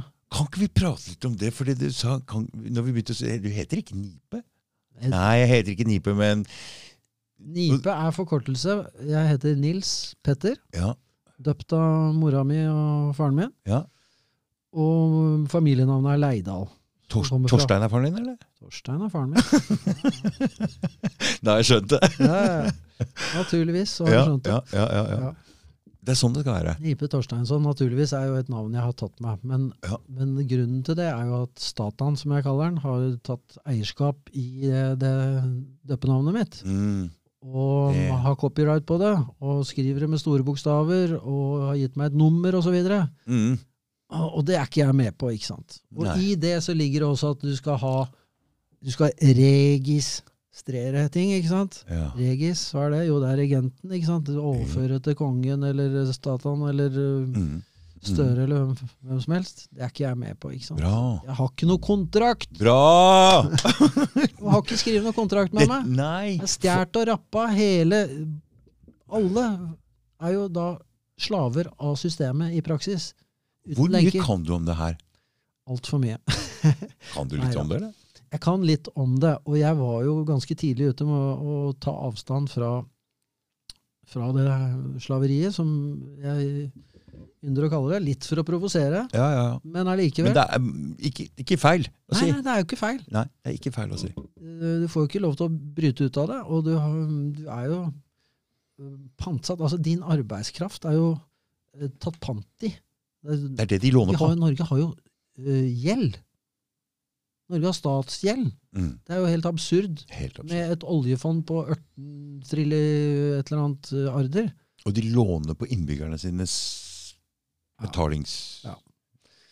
Så altså, først ute øh, vet jeg ikke hvem som var til å, å gjennomskue dette her. Dette har jo røtter øh, ganske langt tilbake. Jeg husker jo litt grann fra ut at 20 det med år siden. lenker var jo litt upraktisk. Mm. Mm. Men, øhm, men i Norge så var det jo øh, Ingunn Sigurdsdatter som inspirerte meg. Og jeg ville jo følge henne umiddelbart når jeg Mm. hørte hva hun hadde Mm. gjort og levert inn passet sitt. Og, Mm. og mm, ja, pengesystemet og Det er jo rett og slett svindel fra ende til annen. Vi er jo dømt til å tape i det pyramidespillet som vi er En del av. pengesystemet der, ja. Ja. Rett Så da hun- igjen, da. leverte inn passet sitt, så hadde jeg lyst til å gjøre det samme umiddelbart. Ja. Men jeg var gift. Jeg hadde unger som eh, var relativt små. Um, ja. Yngste var vel på den tida tolv, og den eldste var vel 14, da. Mm. Så mm, Og jeg var ikke klar sånn eh, praktisk heller. Jeg var liksom Jeg var i hamsterhjulet, rett og slett. mm. Jeg hadde praksis i Bogstadveien og dyr husleie og både der og Mm. hjemme og jo Men du likte, du likte tanken? Ja, ja, ja, umiddelbart. Jeg har jo alltid vært eh, en del av naturen. Du vet, Jeg likte det med en gang. Jeg la til Ingunn med en gang. Jeg følte Ja. han Robert Bernard fra Canada, Ja. det der frimannbevegelsen der. Jeg likte det, jeg òg. Men aldri ble det til at jeg tok den siste biten og gjorde noe med det. Nei, jeg gjorde noe med det, da. Uh, to år cirka, vel, etter Ingunn. Så um, Dette var i 2016. Februar 2016. Så hadde jeg fått nok. Både av eh, ekteskapet Vi utvikla oss i forskjellig retning. Hun ville mm, jobbe mye og leve fett og kjøre fin bil og ja. betale skatten sin med glede og osv. Mm. Og var glad i alkohol, blant annet, noe jeg ble mer og mer oppgitt over at hun pøsa på med så mye av det. Og TV. Altså forskjellig form for dop, kan Mm. du nesten kalle det. Mm. Så mm, ja. Jeg skilte meg fra, fra Kelly, som hun heter. Og mm, da var ungene da, altså Den yngste var 14, så da syns jeg at de burde tåle det. Mm. Og jeg skilte meg fra Statan. Jeg dro til Stortinget sammen med en kompis som driver med videofilming. Og mm, han filma meg når jeg brant passet mitt eh, og leste opp en deklarasjon Mhm. foran Stortinget. Mm.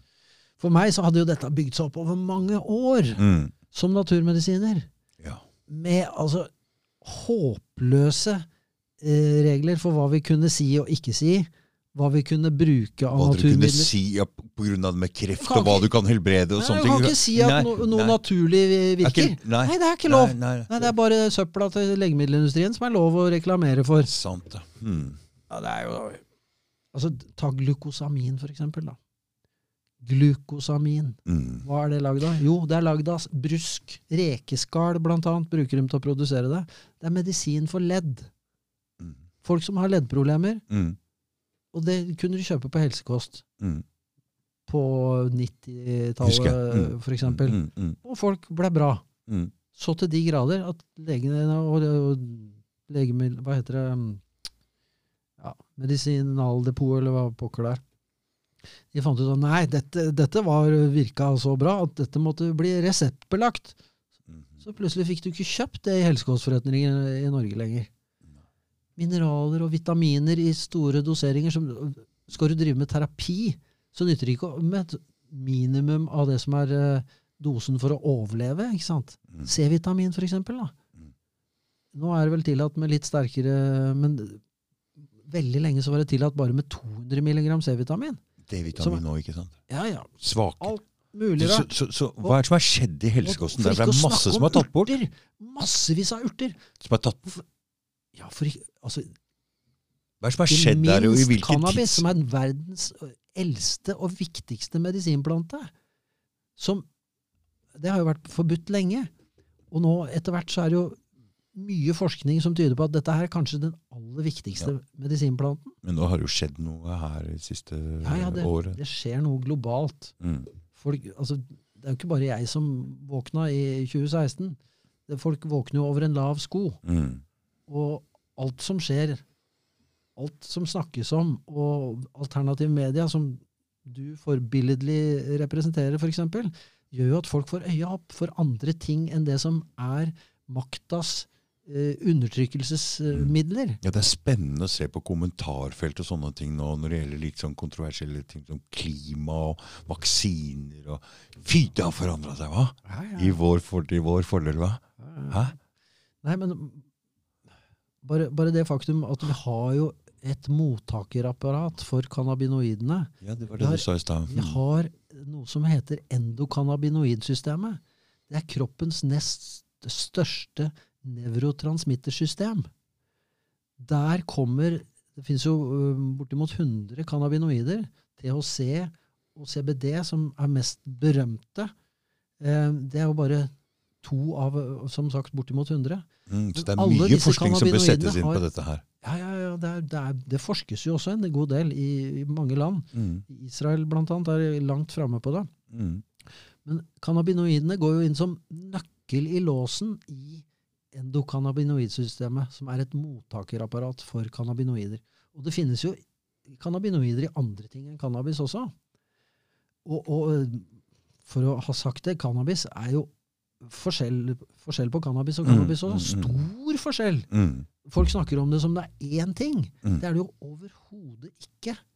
Det er jo, for det første så er det tre forskjellige plantevarianter. Du har cannabis sativa og cannabis indica og cannabis ruderalis. Den har jeg aldri hørt om siste der, hva? Nei, den kan jeg ikke så mye om, men, men det som er i vanlig bruk, da, som, canna- som uh, hasj eller marihuana, det er sativa og indica. Mm, Og sativa den er mild og snill og gir veldig lite rus. Mens indica er en tung indica. Den knocker deg jo nesten helt ut. Mm. Du blir skikkelig parkert og sovner. Mm. Men det skjer ikke noe verre enn at du sovner. Mm. Giftighetsgraden er jo bortimot null. Du må jo, du får, det er ikke mulig å ta inn så mye at du dør av det. Nei, altså nå har jeg kjent folk som er over 60 nå, og de har røyka som de er drittunger. Og de er helt velfungerende. Ja. Og jeg har noen venner som drikker litt, og det er ikke måte på. Herregud, det er dritten der. Ja, nei, det er eh, tragisk. det er det eneste rusmiddelet. det aller farligste rusmiddelet er tillatt, mens mildere stoffer som f.eks. cannabis Jeg sier ikke at det er ufarlig, og det passer ikke for alle. Nei, Det er ikke noe man skal omgås altså, nei som jeg fortalte deg i stad, jeg røyker ikke lenger. øh, Fordi jeg syns det er litt sånn Jeg får den der slitsomme mase... Mange som, Ja, ja. som får problemer med det etter hvert. Mitt Men- men- inntrykk er at særlig øh, kvinner øh, kan ha nytte av det i ung alder, Mm. men eh, får problemer når du blir eldre. mm, Men når det er sagt, så er det mye forskning som tyder på at for den eldre, særlig for eldre, mm, så er altså mm, cannabis veldig nyttig for veldig mange. På, på så mange forskjellige måter. Det har så enormt stort nedslagsfelt. Og, og kreftmedisin, eksempel. Men smertedempende, søvnfremmende, appetittstimulerende. Det er en fantastisk eh, universalmedisin. Og dem fins det mange av! Det Mm. fins jo f.eks. i norsk natur. Ta rosenrot, som er en adaptogen urt. Som gir mer overskudd og energi, og som er hormonregulerende. Bare, bare det faktum at i naturen fins det noe som heter adaptogene urter. Hva betyr det? Tenk engelsk. To adapt. Mm, Det tilpasser seg. mm. Det gjør ikke det samme for alle. Rosenrot De gjør ikke det den samme for alle. hever lavt blodtrykk og senker høyt blodtrykk. Mhm, Samme drogen. mm. Det er ikke noen kjemikalier som uh, legemiddelindustrien har oppfunnet som er i nærheten av å være adoptogene. Nei. Men noen urter Det er nesten ikke mulig å bruke noe annet uttrykk enn at det er en guddommelig egenskap. Når urter kan være adaptogene og regulere forskjellige funksjoner. Altså Hormonregulerende effekten av rosenrot er altså så fantastisk at det spiller ingen rolle om du har høyt uh, insulin eh, og, og lavt uh, østrogen, eller hva det er for noe. Det regulerer alltid i riktig retning. Du, i for. Før du tok av litt på den cannabis, at det er ulovlig, så snakka vi litt om innen helsekost at de har forandra på både graden av vitaminer og hva som er tatt ut av helsekost, eh, og luka ut og over i apotekgreier, og de har lagd det strengere og vanskeligere for alt. Ja. Hva er det for en slags agenda? Hvor lenge har den vart, liksom? Har det vært litt og litt og litt, eh, og litt vanskeligere og litt vanskeligere hele tida? det, det begynte jo hele greia For å begynne med begynnelsen. mm, Det var Rockefeller som begynte med dette her. Han begynte å demonisere naturmidler og naturmedisin. For alt det andre kommer fra olje. Ikke sant. Og han sponsa FHI. Han fant opp Ja. dobbel blind. Mm, mm, mm, Ikke sant? Mm, mm. Han fant ut at skulle det være noe greie på det, så måtte det kunne patenteres. Yes. Ikke sant? For det skulle jo tjenes penger på det. Du kan ikke patentere naturen. Nei. Nå er det jo folk som har begynt med det òg. Ja. Jeg får jo Ja. Jeg orker ikke tanken på det engang, men det, det foregår jo. At man patenterer natur og manipulerer natur i form av genmodifisering og manipulering. Mm. Og nå er det jo nettopp det som har skjedd i forbindelse med denne her vaksinen, som ikke etter gammel definisjon er en vaksine overhodet. De kaller det vaksine. Nei, det, Det er jo en genmanipulering. det. Og som ikke det er nok, så er det Alt tyder på at det er snakk om nanoteknologi i tillegg. Det er ikke bare disse spike-proteinene. Og det er ikke bare disse her blodmarkene, som det ser ut til, som stopper opp. Det er fremmedlegemer der, og det er ting som aktiveres av Hva tror du? Jo, stråling. Det er ikke tilfeldig at innføringen av 5G var parallell med korona. Det der var en issue helt på begynnelsen, husker du det? Ja. Og David Ike gikk ut og sa det der, og det der nå var det ikke lov Det ikke, å det er ikke bare David Ike som sier det. Nei, men jeg husker helt på begynnelsen så var det det Han, Ja, det øh, Rainer Fulmich, ja. mm. han i den siste Han har jo måttet uh, rømme fra den plattformen han var på, over på en annen. Nå husker jeg ikke i farten hva den heter, men, men i hvert fall, han har jo samla sammen uh, forskere fra hele verden som Jeg har sett dokumentasjon i form av mikroskopbilder, hvor du ser disse her uh, det, det ser til forveksling ut, ut som elektroniske komponenter som er i blodet, som kommer fram ved stråling, og som du ikke ser når det er eh, strålefritt miljø. Så her er det Det høres jo helt drøyt ut. Ikke sant, det høres helt drøyt ut. Høres far-fetched ut, for ja. å si det på mm, mm norsk. Mm, mm. men, men, alt tyder på at det er faktisk det som er tilfellet.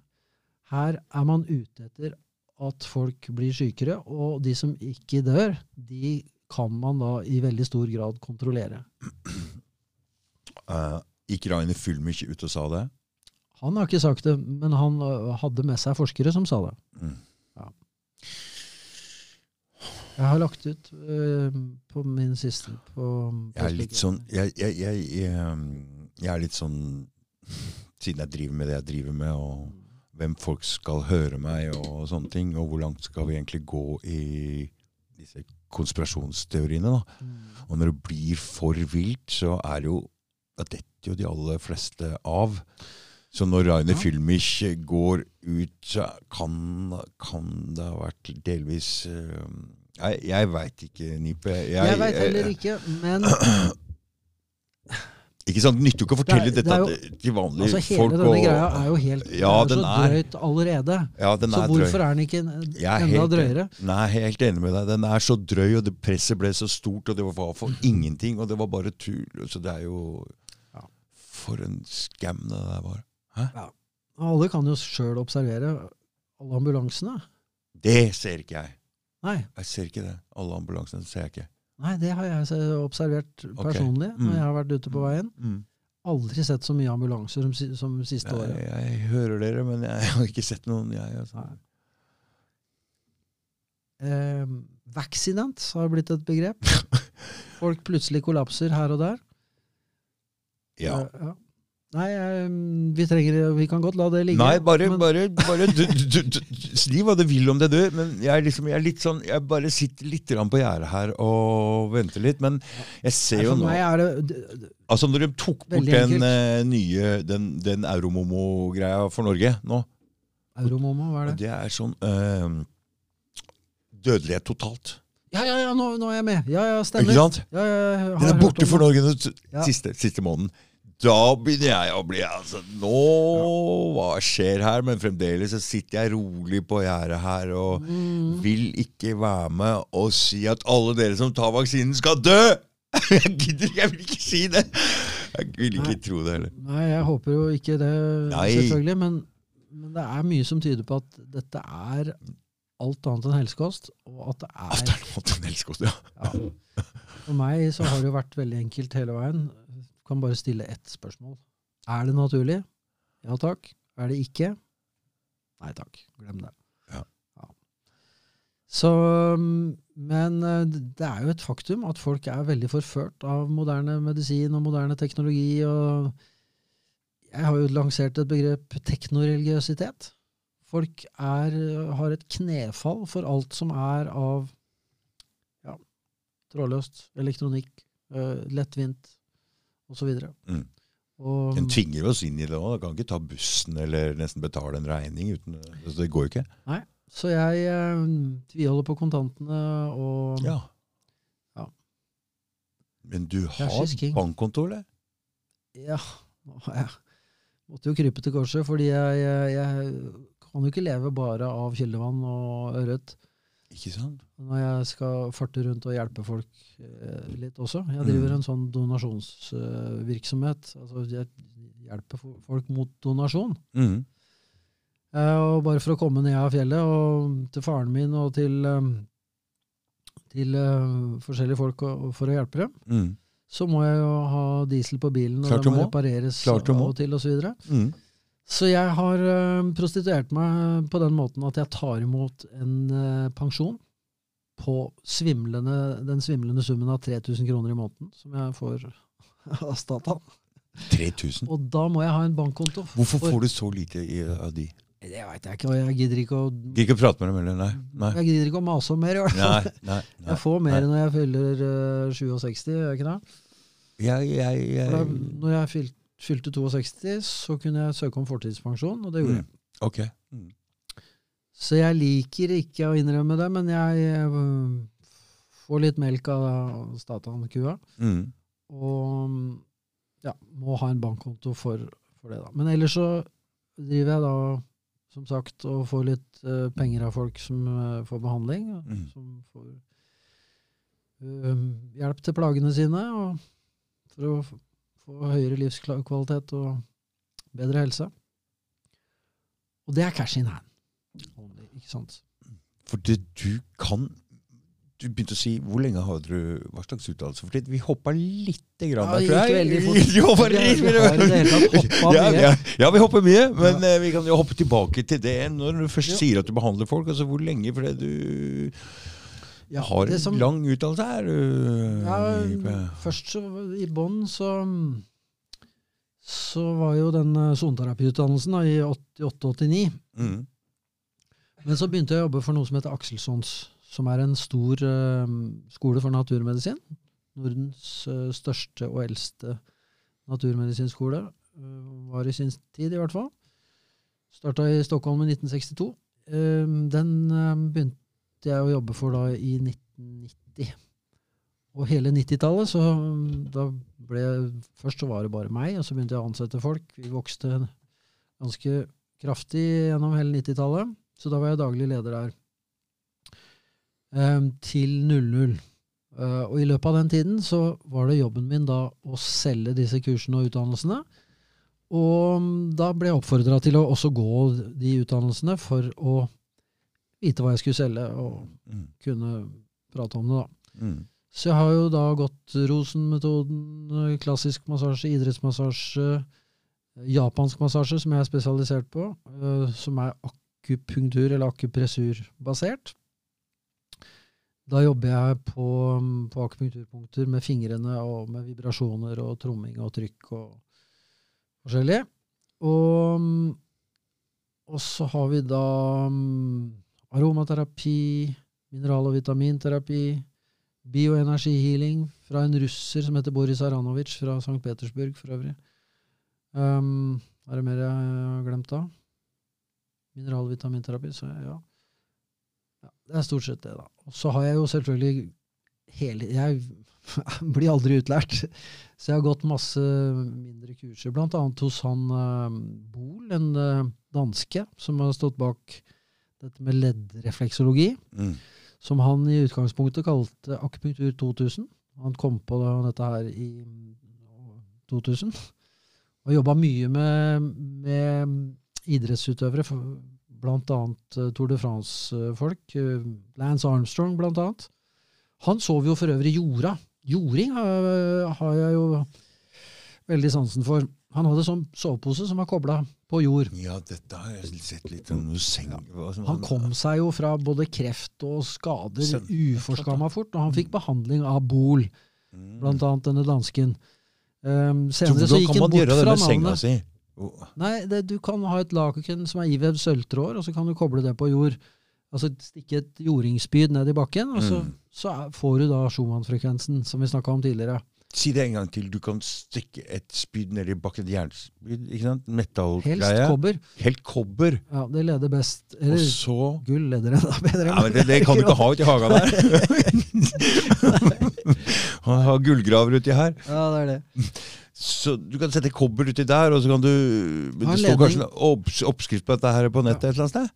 Ja, det fins masse om det. Earthing eller jording. Um, Jeg kan jo bare ta og lukke opp Men- vinduet der men- og kaste det spydet. men, men hold your horses. Ja. Dette er kan være et tveegget sverd. ja. Hvis du har en smartmåler, som for øvrig jeg har lagd et helvete for veldig mange og som Jeg har jo selvfølgelig. Ja. For da går den greiene der gjennom meg og ned i bakken. Riktig. Riktig. Det er det som er problemet. Hvis du har mye stråling i miljøet ditt og jorder deg, så kan du gå fra asken til ilden. Ja.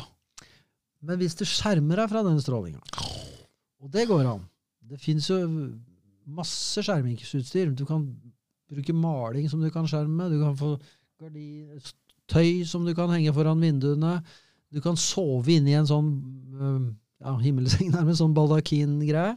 Eh, og det er det mange som må for å, for å i det hele tatt fungere. Vi har jo rett og slett en ny underklasse av syke, strålebelasta folk som ikke fungerer ute i samfunnet fordi de ikke tåler stråling, rett og slett. Og det, det er jo et kjempeproblem, og, og det er jo ikke anerkjent som noen diagnose. Det er det i Sverige for øvrig, men ikke i er Norge. det? Er det? Ja. Jeg Så det går an å beskytte seg? Det går an å henge noe for Nei, sånn Mange måter å beskytte seg på. Nå ble jeg så Det motløs. finnes- Nå har jeg ikke lyst til å gå rundt med den der tinnfoliehatten og Fader. Tar deg et ja. Men denne her den sitter du på fortsatt. Ja, men denne er jo ikke noe stråling i. Nei, det er- vel lite, i hvert fall. Det er jo i hvert fall ledning. øh, Ja. Men bare at den klemmer rundt skallen, syns jeg er slitsomt. Ja. Mm. Ja. Men uh, Det blir varmt. Og, Ja, det blir varmt. Ja. Nei. Som sagt, er det naturlig? Ja takk. Er det ikke? Glem det. Ja, naturligvis. Hæ? Naturligvis. Fortell mer om eh, det der at du kobla deg vekk og, og leste opp den deklarasjonen og brant det passet. Hva Hjalp det noe? Skjedde det noe med? Nei, du vet um, Du er jo Du har i hvert fall sagt fra. Jeg har sagt fra, og det er det viktigste etter min mening. Ja. For Gud og mennesker så har Ja. jeg proklamert, og det ligger på YouTube. ja. Og da har du på en måte sagt fra. Ja. Mm. Jeg har satt ned foten. Jeg Ja. er ikke med på at vi skal leve i et land som er verdens største våpenprodusent per innbygger. Jeg er ikke med på at vi bomber eh, livskiten ut av Libya, f.eks. Eller mm. eh, at vi sender vanvittig mye penger til eh, Zelenskyj for at han skal kjøpe seg våpen. Til Syria. Eller Syria, eller Afghanistan osv. Uten å fortelle oss egentlig hva som foregår. Vi Hadde et forsvar. Nå har vi fått et angrep. Du, jo Nipe, helt er det lov at Og så er det lov å, å gi folk gift ved høylys dag. Kaller det eh, medisin. du, eh, Hvis, hvis vi blir voksne sjøl og ikke ser på staten som mamma og pappaen våre, og ser på dem heller som en som styrer lommeboka vår, så vi begynner å bli litt skeptiske, skulle ikke vi fått et lite innblikk i hva de bruker disse penga til, gjerne litt på forhånd? Ja. Så vi kan ha en liten Jaså, er det det dere har tenkt å bruke penger på? La oss ta en Ja. liten diskusjon om disse tinga her. Ja, ja. Skulle vi ikke fått, skulle vi ikke hatt et litt mer Men da krever vi at vi må sette ned foten litt og bli litt mer Vi kan ikke bare Nei, men de vi er snakker om verdens dritt. mest konforme folkeslag her. Nordmenn er jo helt ekstremt servile og inntilbens Hva korrekte. skjer med de greiene her? da? For Er det der vi er best å være norsk og være god, eller hva er det som skjer med det OR? Hva er det for noe som gjorde hva er det, hvor Jeg vet ikke noe det annet enn at vi er grooma, som det heter på engelsk. Altså vi er forma. Ja. Og til å tro at dette er best. Med å kjøre opp noen lånestandard, sånn at vi har Men vi har bare gjeld. Ja. Alle og enhver og sitter med såpass mye gjeld at hele oljefondet går bort hvis vi skal betale gjelda. Det er sitter helt fast, i, Hæ? sitter fast i Og tror at, vi har, tror at vi har det så bra. Når vi ser på levestandarden, men så er det bare basert på gjeld. Er det Ja. derfor vi er så høye på pæra, eller hva er det som gjør det? Nei, jeg vet ikke. Det, er vanskelig å si hva som er bakgrunnen for at nordmenn er sånn som de er, og at vi ikke har flere til stede på demonstrasjoner, f.eks. Mm. Veldig mange som er enig. Nei, jeg tror jeg veit hvor det ligger hen. Fordi vi har vært under for Sverige og Danmark og Sverige og i er også- 400-500 år, og dette her skjønner vi ikke så mye av.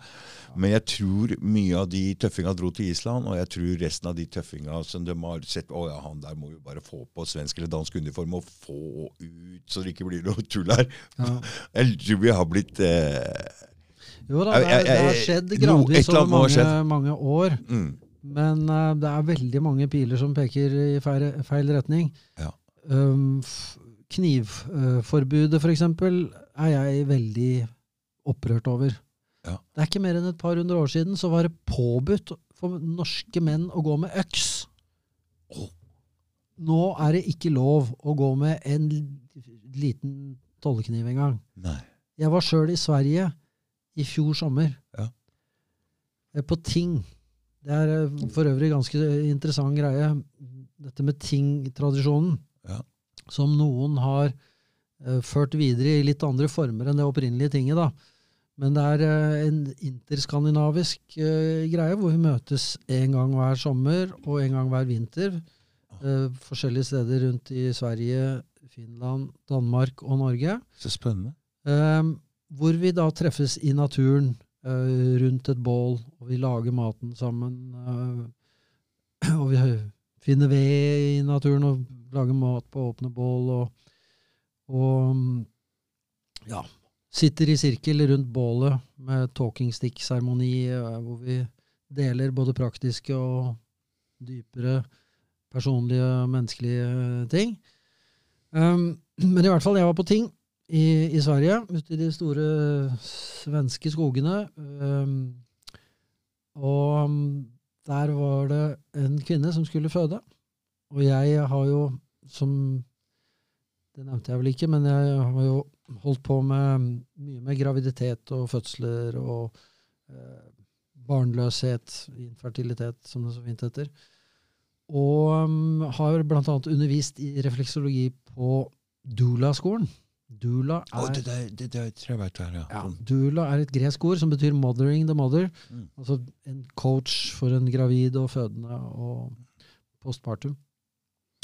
I hvert fall så var jeg i Sverige, og har jo selvfølgelig alltid på meg kniv. Det var nesten en prinsippsak for meg at som nordmann så har jeg rett til å bære kniv eh, i sammenhenger hvor det er naturlig. Og for meg er det stort sett naturlig hele tiden, men jeg tar den av meg hvis jeg skal i eh, ja, på et utested, for eksempel, da.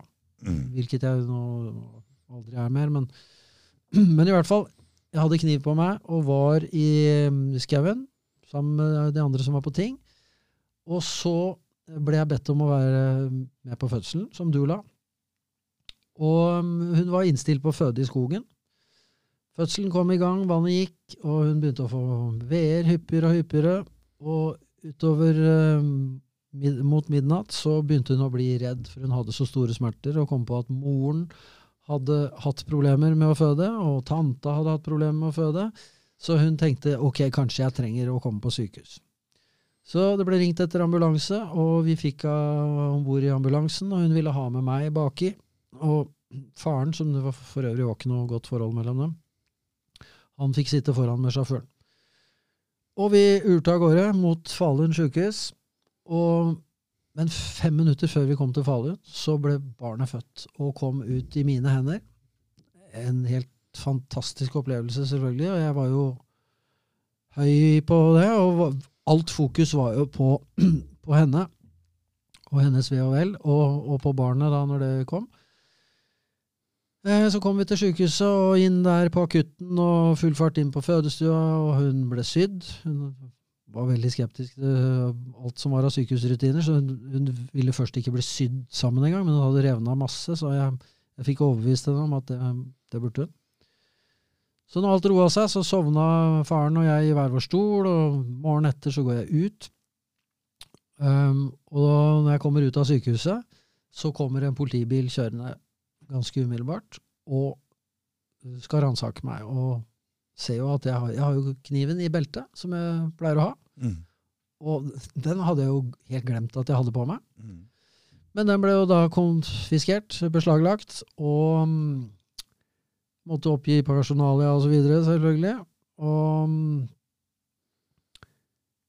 ja, så tenkte jeg eh, ikke så mye mer over det. Det var komme meg tilbake til tinget og, og så videre. Men så får jeg, blir jeg da kontakta av og blir eh, Det er reist sak da, mot meg. Så jeg måtte møte i retten i, på videokonferanse. Og det var jeg nå for en ukes tid siden. Å ja. Så, og da benytta jeg jo sjansen til å si at uh, han kom med personnummer videre. Ja, men jeg er et Aha, menneske. aha, så- ah, ja, så spennende. Det er spennende for å høre. Så vi får, um, vi får se. Dommen blir avsagt om, uh, om en ukes tid, er det vel nå. Det var to uker fra, fra den såkalte rettssaken, Men- men hvor jeg hva- hva- forklarte da de faktiske forholdene. Men de mente jo da at ja, nei, jeg burde jo ha, ha tenkt over at jeg hadde kniven, og jeg burde ha ja, Hva burde jeg egentlig ha gjort?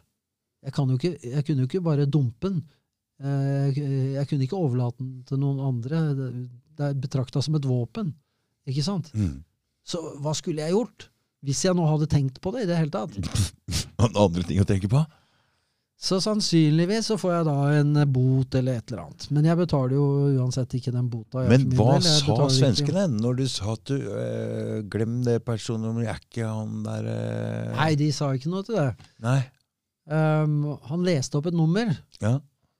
Så, så sa jeg ja, det lyder kjent, for det var fødselsdatoen min. Inni der, ja, inni der, ja. Først så sa han faktisk eh, Kan du gi meg ditt svenske personnummer? sånn. Svensk personnummer, sa jeg. Jeg har ikke noe svensk personnummer. Jeg er norsk. Og for øvrig så, så er jeg et levende menneske. Jeg er ikke noe person, sa jeg. Og jeg har frasagt meg personnummeret mitt. Skjønte de noe av det? Hadde de hørt noe av det der før? Nei. Nei, det, ja, det ble bare Er, han prater norsk, vi skjønner ikke helt hva han sier. Ja, nei, det ble bare feid under teppet. Ja, ja, ja. Norrbaga, han gå videre. ja. Nei, det var jo en farse. Men um, jeg var hos en kamerat uh, som hadde en Mac, da, så jeg kunne gå på nett og ble filma og greier. Så. mm. Men jeg risikerer altså å bli dømt for å ha hatt på meg kniv i sentrale strøk i Falun. Mm. Fordi jeg da var med og hjalp en fødende kvinne. Så det er ikke bare i Norge, det der, det er i Sverige òg. Det er i Sverige. Det er mye strengere, tror jeg, nesten, i Sverige. Jeg mener jo at ok, et våpen er da eh, noe man eh, vil skjule hvis man har onde hensikter. eh, Så det å ha et skjult våpen, det kan jeg godt gå med på. Er eh, illegalt. Mm, mm, mm. Bør være forbudt. Ja, for jeg hadde lyst til å spørre deg litt, Men- for det er jo en del folk som går ut med kniv. En tollekniv som henger Ja. helt åpenlyst ved din side. Mm. Alle kan se det. Ja. Det var den mikrofonen, ja. ja, det var den. Jeg vet. Du har vært flink, du har vært flink. du har vært flink. Jeg Ja, ja, ja. prøver å huske det. Det er noen som absolutt vil forbi. Og... Det er fælt å kjøre forbi. Nei, ja, men du, fordi vi kan jo forstå at uh, Fordi nå er det jo ikke bare Ja, hva skal jeg si Men det er jo en del knivstikking og ungdommer med her og der. Og, Ja. ikke sant? Så det er jo en del eh, Det er jo en grunn sikkert til at den loven kom Ja, opp, ja, ja. selv om den slår litt uheldig ut. eh, Men går, Veien til det- helvete er det- brolagt med gode nei, intensjoner. nei, altså, Men det går, burde jo gå an å vise litt skjønn, det disse her, det er her, det er her Det er vi må komme inn. det er. Robocop som er problemet. Ja, fordi opplegget er sånn som det Folk er ikke like. Nei. Og da kan vi ikke bli behandla helt likt heller, alle sammen. Vi kan ikke ha én lov som gjelder for hele alle i Europa. Eller alle i hele verden. Nei. Ikke sant? Det må utvises skjønn. må- Vi kan ikke ha sånne lover. Ja, det er nettopp det. Det må utvises. For det er forskjell på folk. bør i hvert fall utvises eh, et skjønn. Ja. Og um, i forlengelsen av det med våpen, hva er et våpen? Altså, en stein kan du jo drepe folk med. Du, hvis jeg gir Hva meg en kulepenn, så En kulepenn, ja. Så det er jo ikke våpenet som er problemet. Mm. Og, og da, hvis vi skal dra den litt videre, hvem er det som har lov til å gå med våpen? Jo, jeg som jeger har lov til å gå med våpen på jakt. Det er greit nok. Mm.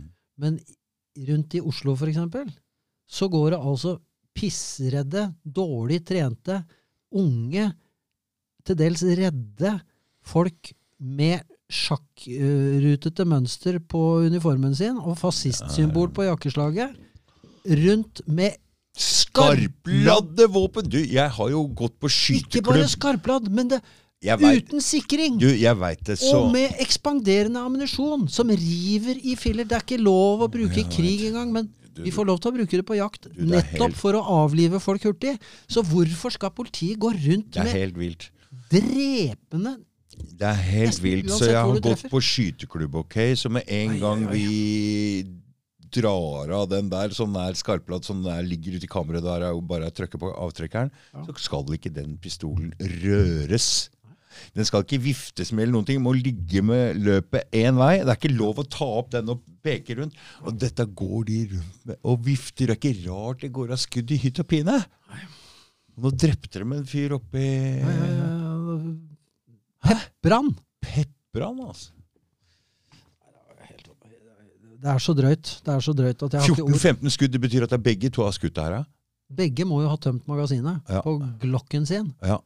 Og det er ikke noe, det er ikke noe lekepistol. Altså. Det, Nei, det, er, nei, den, nei, det er vel eh, like kraftig som en sånn eh, Magnum 44 omtrent. Nei, det er 9 mm, tror jeg bare, skjønner du. Ja, det er kraftig i hvert fall. Ja, Altfor ja, kraftig. Ja, ja. Det er ikke 38, panserbrytende, kanskje. Men, 38. nei, men uh, Ja, det, det, det er helt hvis det er som du sier, at det er ekspanderende ammunisjon, så er det helt vilt. Det er det! Ja, mm. ja, det er helt vilt. Det er ekspanderende ammunisjon. Det Det spruter jo bly rundt. Og Mm, mm, mm. hvis du har, sånn som jeg, jakta med uh, blyspiss, som vi også kaller det, Mm. som uh, er ment for å ha mest mulig drepende virkning Mm. Ok, innslaget det er et pent lite hull, men utslaget det er kjempesvært. Ja. Treffer du bein, så er det døden nesten uansett hvilket bein du Nei, treffer. det er helt vilt at de skal gå rundt med pistoler pulveriserer sånn beina. som det der. Eh, Det det sånn. eh, Det er helt vilt. Det var det som ble brukt på Utøya òg. Og er derfor det var så voldsomme skader. Mm. For det var brukt ekspanderende eh, ammunisjon. Det er forskjell på eh, en helmantla eh, spisspatron, eller en, eh, en kule, som de fleste kaller det, da, et prosjektil, Mm. som er metall hele veien rundt, eller at det har bly i front.